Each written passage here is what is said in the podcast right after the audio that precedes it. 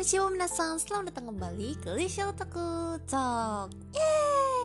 Mohon maaf banget dari kemarin aku belum sempat upload Karena sejak aku mulai masuk kuliah tuh emang bener-bener Jadwalnya lebih penuh lagi daripada semester lalu gitu ya. Dan tugas-tugasnya juga makin menumpuk gitu kayak dilemparin aja ke aku gitu ya. Maksudnya dilemparin aja ke kami para mahasiswa gitu ya. Jadi ya bener-bener dari kemarin aku tuh berusaha banget untuk nyicil skrip untuk uh, review hari ini gitu ya.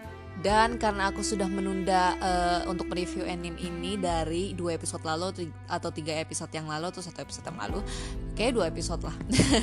Jadi akhirnya aku berhasil membuat skrip untuk review ini gitu ya. Jadi kali ini aku ingin mencoba hal baru. Jadi emang di judul aku udah sekarang udah nggak mau tulis lagi anime yang pengen aku review. Kalau kalian tertarik kalian tinggal puter saja gitu. Kayak itu lebih menarik deh. ya udah kita akan coba dulu gitu ya. Dan juga mungkin ini salah satu alasan juga kenapa aku nggak mau taruh judulnya di judul. Karena anime ini lumayan beresiko gitu ya untuk diketahui oleh orang-orang. Jadi ya paling aku akan menulisnya berbeda aja gitu ya. Jadi anime apa sih yang dari kemarin itu pengen aku review dan ini sempat banget viral kemarin-kemarin gitu ya? Karena kesadisannya gitu ya. Karena betapa darknya anime ini atau cerita ini gitu ya. Oke daripada berlama-lama mending kita langsung masuk aja ke reviewnya. Shoujo Subaki atau The Camellia Girl karya Suehiro Maruo Sojo Subeki ini juga adalah karakter fiksi yang digunakan dalam Kamishibai atau teater jalanan atau sejenis storytelling gitu ya pada awal masa Showa di Jepang. Sebelumnya aku mau kasih tahu kalau anime ini dilarang untuk ditonton bagi kalian yang belum berumur 18 tahun karena banyak unsur kekerasan dan unsur dewasa lainnya. Kalau kalian sudah memenuhi persyaratan itu, kita akan lanjut. Oke, manganya pertama kali diterbitkan pada September 1984. Animenya ditayangkan pada 2 Mei 1992 dengan durasi selama 56 menit yang kemudian dilarang untuk ditayang karena penuh dengan kekerasan dan unsur dewasa lainnya. Akhirnya pada tahun 1994 dibuatlah versi yang sudah disensornya gitu ya. Jadi se sepe apa se tadi kan aku sempet searching gitu kan maksudnya research gitu untuk mengumpulkan skrip ini. Sepertinya anime ini sempat di band atau memang di band gitu ya pada yang yang versi tahun 1992 gitu ya. Sedangkan akhirnya uh, karena mungkin cerita ini unik gitu ya jadi akhirnya di tetap diperbolehkan tapi versi yang sensornya gitu Kemudian cerita ini diangkat menjadi live action pada 21 Mei 2016 dengan durasi 1 jam 31 menit yang diperankan oleh Risa Nakamura sebagai Midori. Oke, daripada berlama-lama mending kita langsung masuk aja ke cerita singkatnya. Jadi, ada seorang gadis ya bernama Midori yang tinggal bersama ibunya dan dia ini sering berjualan bunga gitu ya. Namun suatu hari ibunya tuh meninggal. Dan akhirnya dia diajak untuk bergabung ke sebuah klub sirkus. Jadi kenapa judulnya itu The Camellia Girl gitu ya? Karena emang si cewek ini Midori ini dulu tuh berjualan bunga camellia gitu ya. Dan di sana dia itu diperlakukan sangat buruk. Pokoknya buruk banget deh anggota-anggota yang klub sirkusnya gitu ya. Pokoknya aneh-aneh juga lah. Pokoknya mereka tuh kayaknya ada gangguan gitu ya salah satu contoh aja gitu ya eh, yang menunjukkan kesadisan gitu ya salah satu uh, anggota dalam klub sirkus itu. Jadi Midori ini kan pelihara anak anjing gitu kan sembunyi-sembunyi eh ketahuan gitu kan. Terus ya pokoknya jadi BNH gitu ya. Terus ntar kalian lihat deh pokoknya di filmnya tuh habis di BNH diapain lagi gitu ya Pokoknya tuh sadis dan kejam banget gitu ya.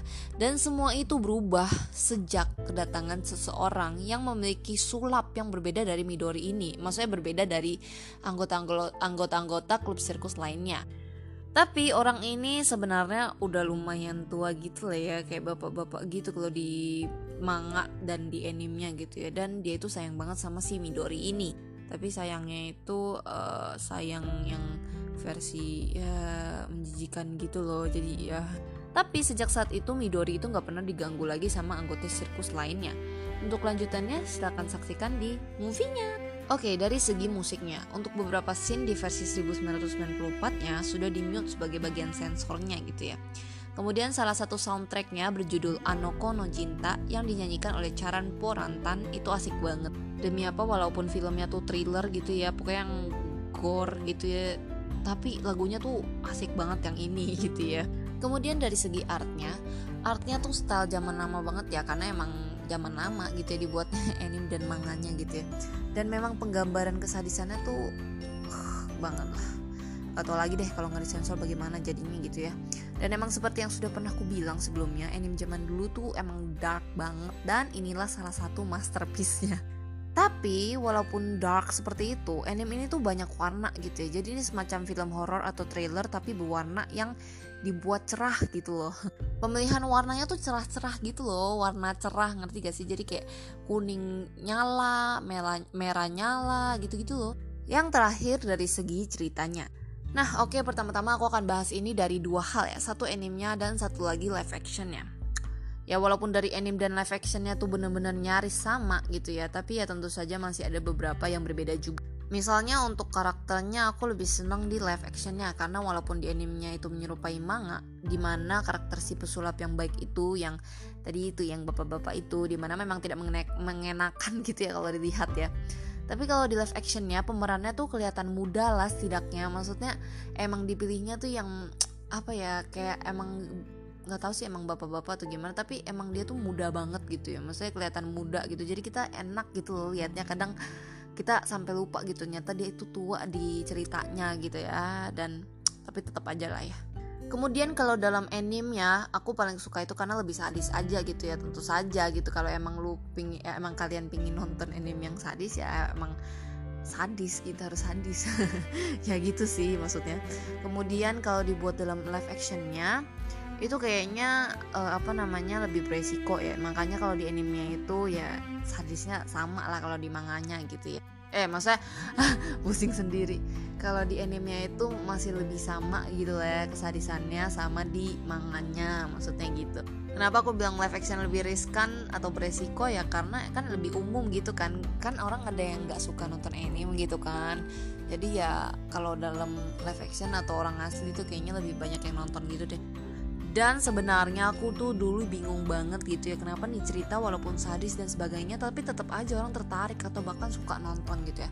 Kalian bisa lihat sendiri penilaian uh, film ini tuh 6 komaan dari 10 dan di atas 5 itu kan udah termasuk yang bagus juga gitu ya. Ya itu semua karena ide ceritanya tuh simple tapi deep gitu ya. Jadi jujur sebenarnya simple banget kalian tadi lihat kan cerita singkat itu tuh sebenarnya kayak dikit lagi udah kelar itu sebenarnya ceritanya ya. Sebenarnya tuh simple banget gitu ya tapi uh, ya banyak arti-arti mendalam lah gitu. Kemudian yang terakhir bagian endingnya itu juga dibedakan gitu ya. Jadi kalau kalian nonton animenya kalian akan bertemu dengan ending yang sama seperti di manganya.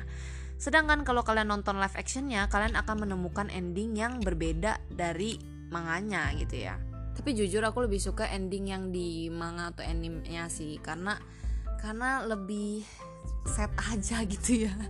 Pokoknya kalian wajib banget ya ya tergantung sih kalau kalian kuat gitu ya. Kalian uh, boleh banget nonton anime ini karena kasihan banget si Midori itu kasihan banget pokoknya Oke mungkin sampai segitu aja. Terima kasih banget bagi kalian yang sudah mau mendengarkan. Semoga uh, cerita ini tidak terlalu uh, apa yang skrip aku ini tidak terlalu inilah ya tidak terlalu kasar gitu ya.